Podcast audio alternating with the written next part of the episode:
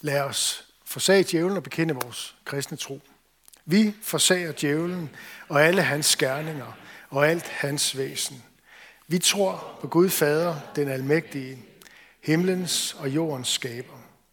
Vi tror på Jesus Kristus, hans enborgne søn, vor Herre, som er undfanget ved Helligånden, født af Jomfru Maria, fint under Pontius Pilatus, korsfæstet, død og begravet, nedfaret til dødsriget, på tredje dag opstanden fra de døde, opfar til himmels, siddende ved Gud Faders, den almægtiges højre hånd, hvorfra han skal komme, at dømme levende og døde. Vi tror på Helligånden, den hellige almindelige kirke, de hellige samfund, syndernes forladelse, kødets opstandelse og det evige liv. Amen. Jeg værsgo til plads.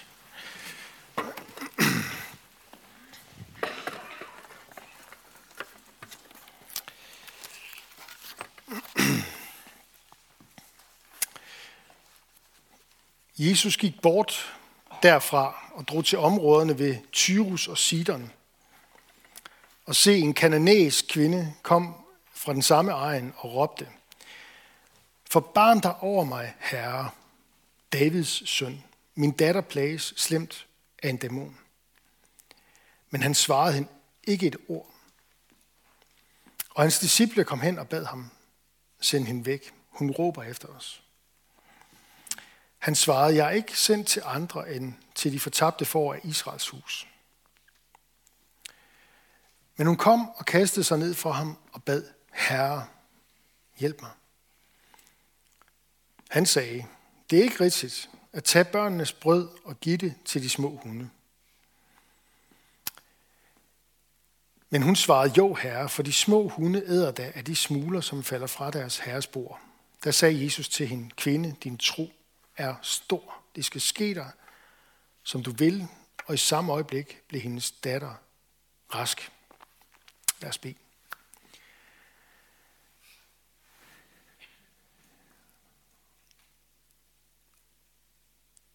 Jesus, tak fordi, at du er den samme i går og i dag og til evig tid. Og vi beder om, at du også vil komme til os nu.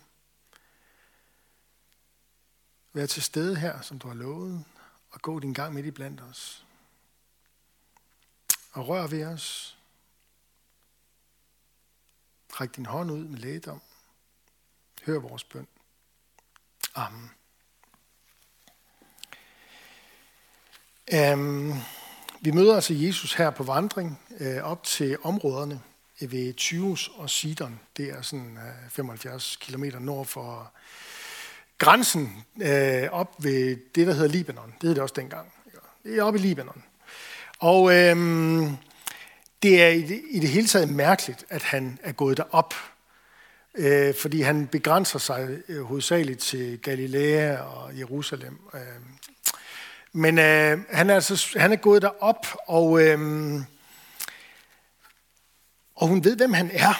Hun bruger en dag sådan et, øh, et jødisk udtryk om ham, Davids søn. Altså det er en titel, hvor du er Israels konge.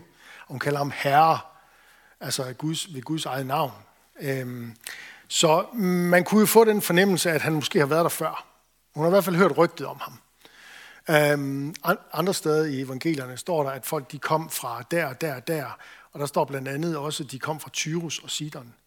Står der et andet sted. Så det kunne jo godt tyde på, at, øh, at han har været der før. Det kan vi jo ikke udelukke. Øhm, det kunne sagtens være, at han har været det. Nu er han der i hvert fald. Og øh, der er den her, øh, han møder hende kvinden her. Og øh, ja, det, det er jo virkelig, det er jo virkelig mærkeligt ikke også. Der er noget mystisk i det. Og øh, lad, os lige, lad os lige prøve at åbne for, for et par af de mysterier. Det første mysterium, det er det her med forholdet imellem øh, en hedensk kvinde og så øh, de fortabte for Israels hus. Ligesom om Jesus han siger, det, det er, og det siger han også på et andet tidspunkt til sine disciple, I skal ikke gå til andre end til, til, til Israels øh, byer og landsbyer. I skal, ikke, I skal ligesom ikke, I, i skal vente øh, senere hen, får de så det at vide, at nu, nu skal I begynde i Jerusalem, og så skal I gå til Samaria og til verdens ende. Men på det her tidspunkt, der holder Jesus ligesom fast i det, man kan kalde for et skæld. Og øh, det vil være nemt at sige med den her øh, tekst her, øh, at Jesus han bryder de menneskeskabte skæld ned, som er imellem mennesker, og viser sig, at der ikke er forskel på mennesker. Jeg tror, det er sådan en rimelig overfortolkning af, hvad den her tekst handler om, fordi det skæld, som Jesus han taler om her, det er jo et skæld, som Gud selv har sat. Det er et skæld, vi møder igennem hele Bibelen. Vi, øh, det, det, det, og det har noget at gøre med, at der er et skæld i verden imellem Israels folk og de øvrige folkeslag. Se, Gud han er hele verdens Gud, og Gud ønsker at frelse hele verden. Og så udvælger han det ene folk. Og det betyder, at der kommer et skæld ned. Han udvælger Abraham og siger til Abraham, netop det, at han er hele verdens Gud. Han siger til Abraham i, i 1. Mosebog kapitel 12, i de første 11 kapitler, det er ligesom sådan urhistorien, som vi kalder det. Det handler om alle folkeslag, hele jorden. Når man kommer til kapitel 12, så udvælger Gud en person, Abraham, og siger til ham i vers 3, i dig skal alle jordens slægter velsignes. Altså det betyder, jeg vil bringe velsignelse til alle folkeslag. Det er Guds mål så udvælger han altså Abraham til at gøre det. Og den går videre til Abrahams søn Isak og til Jakob. Jakob kæmper med Gud og får tilnavnet Israel, og hans 12 øh, sønner, de, øh, de øh, får at vide af Gud, at de skal drage til Ægypten, en gang der var hungersnød, og så siger Gud, og der vil jeg gøre dig, der i Ægypten vil jeg gøre dig til et stort folk, siger han til Jakob, altså Israel. Og så går der 400 år, og det folk vokser og bliver 100.000'er. Og vi får Moses på banen, i kender historien, men det er, det er, det er faktisk det, det er den historie, der ligger bag ved det her, ved den her dialog, som vi har her, som ellers kan være svær at forstå. Så Moses udfrier dem. De kommer på ørkenvandring. Josva tager over. De kommer ind i landet. Vi får dommertiden. Vi får kongetiden. Og lige pludselig, så er der gået 1000 år, og vi er fremme, eller 1500 år, og vi er fremme ved, ved Jesus. Men der er det her skæld i det gamle testamente, at skal du lære Gud at kende, så må du på en eller anden måde gribe fat i en jøde, fordi han har åbenbaret sig igennem det folk. Altså alle profeterne, vi har, de er jøder. Og hovedparten af de beretninger, vi har i Bibelen, handler om Guds handlen med det folk. Ikke fordi, at de er interessante, men fordi Gud har noget, han gerne vil med dig, og med den her verden, og med det folk, du er en del af, og med alle jordens folkeslag. Ham, der så kaldes for Israels Gud, fordi han udvælger dem til at føre sin frelsesplan igennem. Han er hele verdens Gud. Og det er jo det, vi får et glimt af her i dag. Og det interessante er, at kvinden her, hun, er, hun virker til at være mere klar over det, end de fleste af de jøder, Jesus han møder i evangelierne. Det, det, er, ret, det er ret vildt faktisk. Og øhm, det rammer ind i noget, som øh, faktisk er, øh, øh, bliver den, det første store stridspunkt i, øh, i, i den aller, aller tidligste kirke efter øh, Pinsedag. I Apostlenes Gerninger, øh, kapitel 2 har vi Pinsedag, og så begynder de at, at sprede evangeliet videre ud i Jerusalem, og tusindvis kommer til tro osv. Men øh, du skal faktisk helt hen i kapitel 10 øh, i Apostlenes Gerninger, hvor Gud han giver øh, Peter, disciplen Peter, et syn med nogle urene dyr, og han skal tage at spise af, noget, han ikke bryder sig om som jøde. Og det syn viser så, så at være et, et tegn eller en, en, en symbolsk vision fra Gud af, at det, som Gud han kalder for rent, det må du ikke kalde for urent. Og det betyder, det betyder, at hedningerne, evangeliet om Jesus, er lige så meget for dem. Men lige præcis det her spørgsmål, det er svært for os, for os at forstå, men lige præcis det her spørgsmål her, det er det helt store stridsspørgsmål i den allerførste kirke. Den allerførste, det allerførste kirkemøde, der bliver holdt, den første synode, som man kalder det med fint kirkesprog, der nogensinde bliver holdt, den har vi beretning om i øh, Apostlenes Gerninger kapitel 15. Og det, der er på dagsordenen, det er, når nu hedninger begynder at tro på Israels messias, hvor meget skal de så være jøder? Det er det, man debatterer. Skal de omskæres? Nej, det skal de ikke. Nå, jeg skal ikke trække det her i langdrag, men det er bare for at sige, det er faktisk ikke, det er ikke engang i Gamle Testamente, og det er heller ikke bare kun på, da Jesus går rundt på jorden. Det er heller ikke, altså der skal simpelthen kraftige sager til, der skal kraftig medicin i form af en, et syner fra Gud til Peter, helt hen i kapitel 10 af Apostlenes Gerninger. Et ekstraordinært syn, for at det begynder at gå op for den unge kirke, at det her, det gælder også hedningerne. På trods af, at Jesus glimtvis i de år, han gik rundt på jorden, gjorde godt imod hedninger. Øhm, det er, øh, altså, og det kan godt være, at nogle af jer sidder og tænker, at det er rimelig nørdet det her. Jamen, det kan godt være, at I synes, det er nørdet, men det er faktisk også en fundamental del af Guds frelseshistorie. Så den kan vi jo ikke bare sådan skubbe ud til siden og sige, jamen det er fint nok, jeg tager et par mandakorn. Det er også. Du er nødt til at have det store billede. Ellers så bliver din tro skrøbelig. Du er nødt til at have Guds frelsesplan også. Og, og, og hvor er vi henne lige nu? Og der, er altså, der var det skæld. Det er der ikke længere. Det er der ikke længere, lykkeligvis. Og vi behøver ikke blive omskårende for at tro på Jesus, eller blive jøder, vel. Men, men, den historie, vi finder i det gamle testamente, hvordan Gud han leder Israels folk, hvordan de gør oprør imod ham, og hvordan han alligevel på en eller anden måde fører sin frelsesplan igennem. Ved I hvad? Den historie, det er også kirkens historie. Det er også din historie. Det er en historie, som du skal se dig selv som en del af. Du har lov til at spejle dig i den historie. Og det er der noget befriende i. Når jeg siger, det er Guds frelseshistorie, så betyder det ikke, at den bare er fyldt med velsignelse. I virkeligheden, når du ser på, hvordan Israels folk, det udvalgte folk, det der adskiller sig, som Gud udvælger blandt alle jordens folkeslag, hvordan de opfører sig, efter Gud har befriet dem ud fra Ægypten, så er det jo, at de dyrker afguder og afguder. Generation efter generation efter generation. Afgudstyrkelsen er det helt store issue det helt store problem. Og slægt efter slægt efter slægt. Og ved I hvad? Det er også en del af os. Af vores hjerte. Det er del af vores historie. Det er også derfor, vi har en, vi bekender vores synder, når vi starter med at samles. Ikke? Vi har brug for det. For der er nogle afguder, der trænger sig på i vores liv.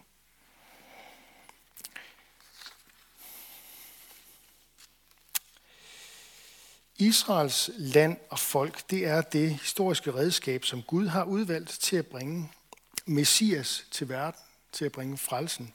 Frelsen udgår fra jøderne, citat Jesus, i øh, Matthæus øh, Johannes evangelie kapitel 4. Og han siger Jesus til sine disciple, da han sender dem ud, følg ikke vejen til hedninger, gå til de fortabte for Israels hus. Kan I se, hvordan inden pinsedag, der opretholder Jesus på en måde stadigvæk det her skæld. Det er meget ejendommeligt. Men det vælger han altså at gøre. Det er ligesom udgangspunktet. Og så er der så den samaritanske, øh, eller den, den kanadiske kvinde her i dag, og der er den samaritanske kvinde ved brønden, der er en romersk embedsmand, og der er sådan nogle enkelte beretninger, hvor der er hedninger, der har en stor tro. Så stor en tro har jeg ikke fundet i Israel. Um, og det er fordi, at Jesus, han er opfyldelsen af løfterne givet til Israels folk. Men de gælder ikke kun dem, de løfter. De gælder også dig. Du skal anse dig selv for at være en del af den fortælling, af den historie, af Guds store frelseshistorie. Den får du, den får vi som menighed lov til at være en del af lige nu det sidste kapitel, det bliver skrives, det skrives nu, i dag og i morgen.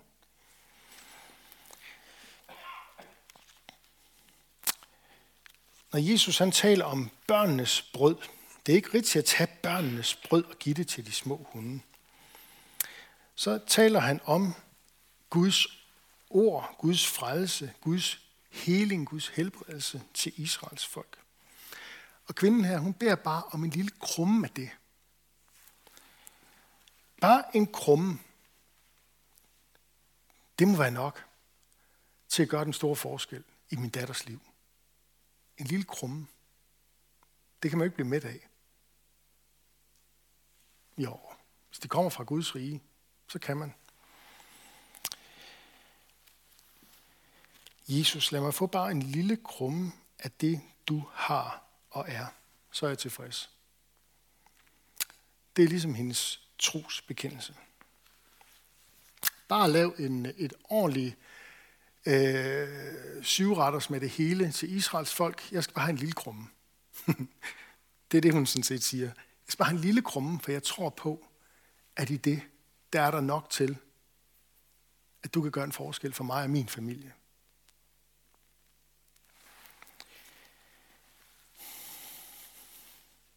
Og det er det, Jesus han kalder os kalder for en, en stor tro. Og, øhm, og det reagerer han på. Og det fortæller os en anden vigtig ting. Nemlig at på trods af, at han i første omgang er tavs, så viser beretningen os jo, at den kærlighed, Jesus han har til Israels folk, som han giver udtryk for på den måde her, den kærlighed, han har til Israels folk, den har han også til, til hedninger. Og øhm, hvis I lægger mærke til det råb, hun har til Jesus, så er det en, øh, det er en ret desperat bøn. Altså disciplene siger, send hende væk. Hun råber efter os. Det er ret desperat. Altså det, det er ret sådan voldsomt. Det er så voldsomt, at jeg sidder, da jeg, da jeg forberedte, så tænkte jeg, hmm, der er, nøj, der er ikke mange af os, der beder den slags bønder, tror jeg. Jeg ved ikke, om det sådan er en, en, en, en model for, hvordan det skal være, men, men alligevel. Øhm, tilgiv mig og hjælp mig, Jesus. Og så råber hun det, sådan det bliver ligesom ubehageligt. Måske er vi blevet for malige. Måske er vores bønder sådan hovedsageligt blevet sådan til øh, noget religiøs øh, pynt. Noget, vi skal sige. Men når det kommer til stykket, vi lever ikke bare i den vestlige verden. Vel? Vi lever i kremen af den vestlige verden. Altså velfærdssamfundet på, på, øh, på toppen. Hvem har brug for Gud? Kan vi ikke klare os uden ham? Ja, der er nogen af jer, der sidder og ryster på hovedet. Og... Men øh, hmm. behøver vi Gud i vores liv? Eller har den onde øh, os faktisk, hvor han gerne vil have os? Nemlig der på afstand af Gud, hvor vi øh, reelt set lever vores liv, som om Jesus han aldrig er, har været på jorden og aldrig er opstået fra de døde. Jeg ved det ikke. Men der skal, jeg ved, der skal godt nok meget til, før vi når derhen, hvor den her kvinde, hun var. Hvor vi råber til Jesus.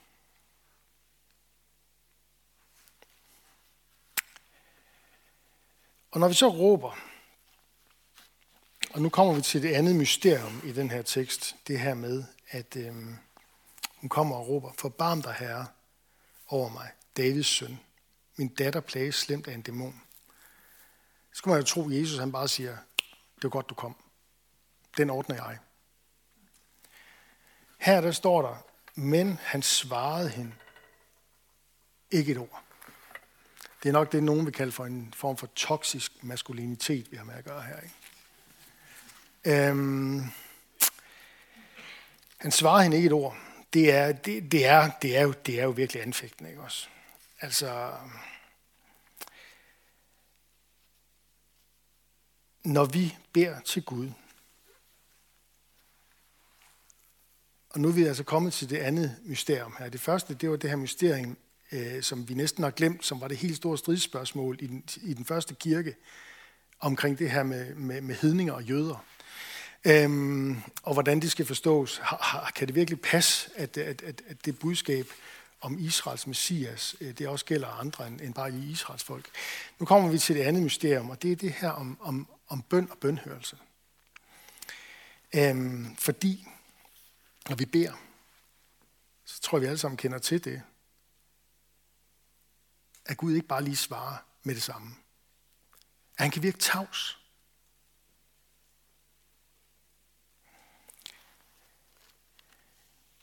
Jeg håber også, du oplever det modsatte. Jeg håber, du beder, og han svarer dig. Det er en lov, han vil.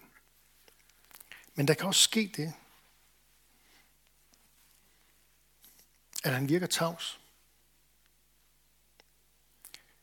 Jeg talte med en, som sagde, som har en, en, en, en, øh, en stærk tro på Jesus, som sagde, for det meste, der er han tavs. Der er ligesom ikke hul igennem himlen. Jeg kender mange troende, øh, Jesus elskende kristne, øh, mennesker, som er fulde af tillid til Gud og Guds løfter, som også har oplevet den tavshed, som har oplevet, at den helbredelse, de selv bad om, og deres venner bad om, og deres menighed bad om, og som kirkens forbundsteam havde bedt for dem om, den var ikke lige kommet, sådan som de havde håbet det. Selv ikke efter de var blevet salvet, sådan som Jakobsbrevet anviser det i kapitel 5 i forbindelse med forbøn, var de blevet raske. Måske kender du til at stå i sådan en situation. Måske kender du nogen, der har oplevet det.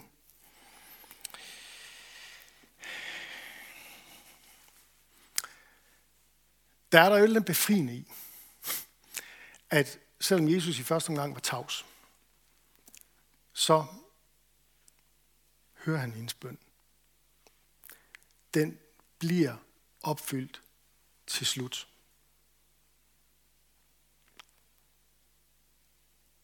Dine bønder hører Jesus. De bliver opfyldt til slut. Nogle gange med det samme, men i hvert fald til slut. Det vil enhver, som tror på ham, øh, erfare en skønne dag. Den her kvinde, hun blev testet. Og på den måde, der er hun et forbillede for det, man kan kalde for troens udholdenhed. Der er nogen, der har sat den overskrift, eller hvis man skal sætte et ord hen over den her, den her anden søndag i fasten, så er det udholdenhed. Hun holder virkelig ud, hende her. Send hende væk. Hun råber efter os. Hun er vedholdende. Og øh, i den sammenhæng, der øh, vil jeg gerne sige, jeg vil gerne opfordre dig til at være tålmodig og stole på Gud. Stole på, at Gud vil gøre sit arbejde i dig og med dig. Når hans team kommer. Når det behager ham. Stol på Gud og stol på mig, siger Jesus. Måske er der noget øhm, ondt, som plager dig, ligesom hende her. Altså simpelthen rent ondskab, som jo findes. Det, dæmoniske kræfter. Måske er der sår. Og måske tager det måneder. Eller år. 10 år, 20 år. Jeg ved det ikke. Men måske tager det tid, inden de dybeste sår i et menneske er let.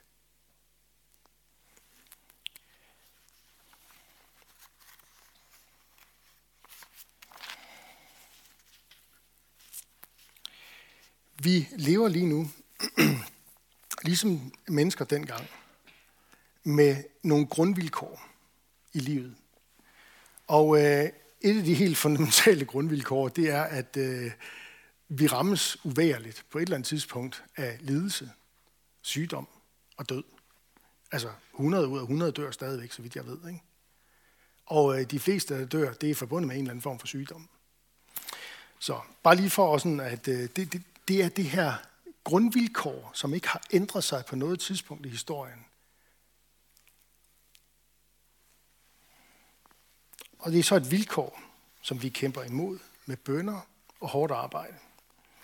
Men vi er her. Vi lever her i syndens og dødens verden. Vi lever efter syndfaldet, som vi så på sidste søndag, og så inden Jesu genkomst. Vi lever i en bestemt, vi lever i en særlig tidsperiode lige nu. Vi ved, at når Jesus kommer igen, så kommer der det, der hedder opstandelsen fra de døde. Vi bekender troen på det hver søndag som kristne. Vi tror på kødets opstandelse og det evige liv. Og det er herude, det er herude ved hans genkomst og opstandelsen fra de døde,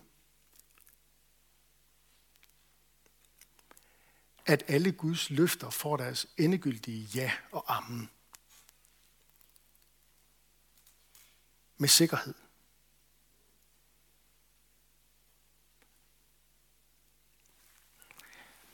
Så vi lever spændt ud imellem nogle vilkår lige nu,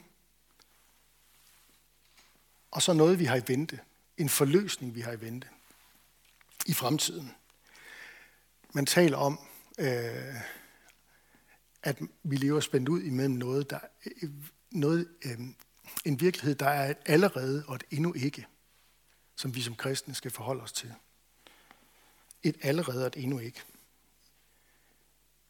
Jesus er, har allerede givet sit liv for os. Der er tilgivelse for vores synder. Han har allerede båret vores sygdomme. Det gjorde han på korset. Men vi ser endnu ikke de fulde konsekvenser af det. Vi ser det i glimt, men vi ser det endnu ikke i fuldt om, omfang.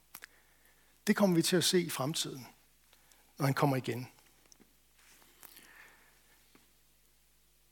Men nogle gange så kommer fremtiden også i møde og bryder ind i verden nu. Og det er derfor, at vi med frimodighed må have en vedholdende tro, ligesom kvinden her. Herre Jesus, forbarm dig over mig. Vi har ret til at bede om alt her nu. Og når vi så har bedt og tryllet Jesus om det, der gør ondt i vores liv, om de sår, vi bærer med, hvad gør vi så? Hvad gør vi så, hvis ikke vi oplever den bønhørelse?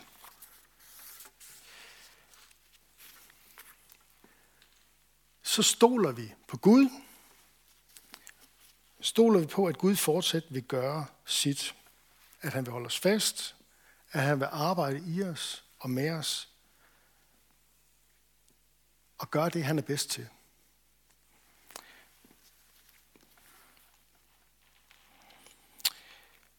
Så ved du hvad? Gud han er ikke kun god, når du bliver bønhørt her nu. Gud er god, og Gud er god og stadig god, selv når livet er svært. Når du sidder i mørke og dødens skygge, så er Gud god.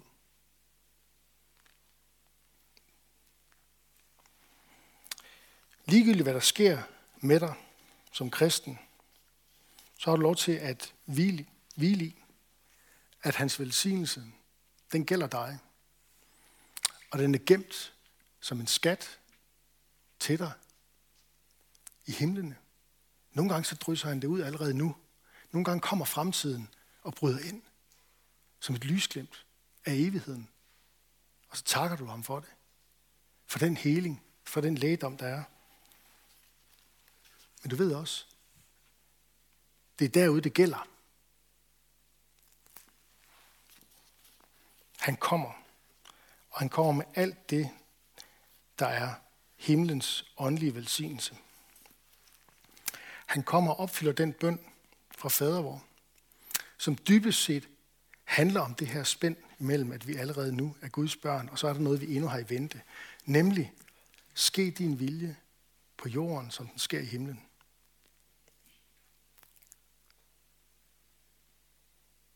Den bøn er endelig opfyldt den dag Jesus han kommer igen. Den bøn handler om længslen efter at han skal komme igen. Den bøn er dybest set en bøn om håb, om det kristne håbs opfyldelse. Stol på Gud, også midt i mørket. Mind ham om hans løfter, om heling, om tilgivelse. Glæd dig med de glade. Græd med de grædende. Jesus han er død i dit sted. Han er opstået fra de døde. Han har udgivet sin ånd over verden, over menigheden. Og han kommer snart og dømmer levende og døde. Lad os bede sammen. Jesus, indtil den dag kommer, hvor du øh, står her igen, der har du kaldet os til at øh, leve som kristne, til at leve af de gode nyheder om dig, til at lade dem øh, slå dybe rødder i vores hjerter, og så også øh, til at omsætte det til praksis, til at øh,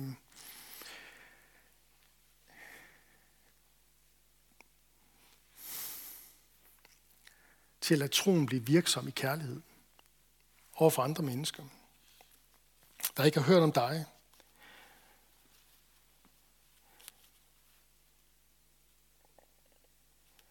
Vi beder om, at øh, du vil hjælpe os til at omvende os og tro på dig, Jesus, på de gode nyheder om dig, og alt, hvad du bringer med ind i verden.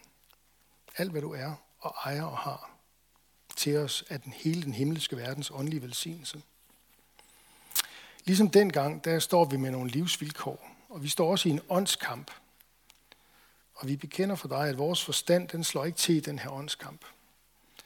Så vi beder om, at du vil hjælpe os og nøde os til at komme til dig, Jesus, og søge dig i bøn og i dit ord, i bibellæsningen.